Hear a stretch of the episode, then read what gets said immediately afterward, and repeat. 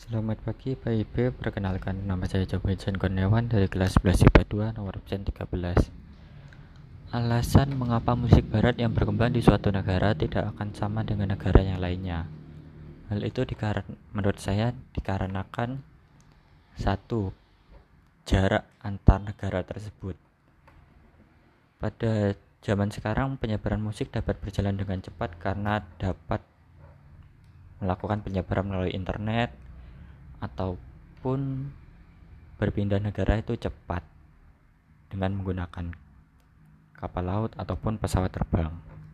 Namun pada zaman dahulu kendaraan yang digunakan umumnya menggunakan ditarik oleh bin kuda ataupun keledai dan sebagian besar mungkin berjalan kaki sehingga penyebarannya agak lambat antar negara tersebut. Yang kedua menurut saya adalah perbedaan bahasa. Bahasa antar satu negara dengan negara lainnya berbeda-beda sehingga untuk memahami memahami bahasa tersebut membutuhkan waktu.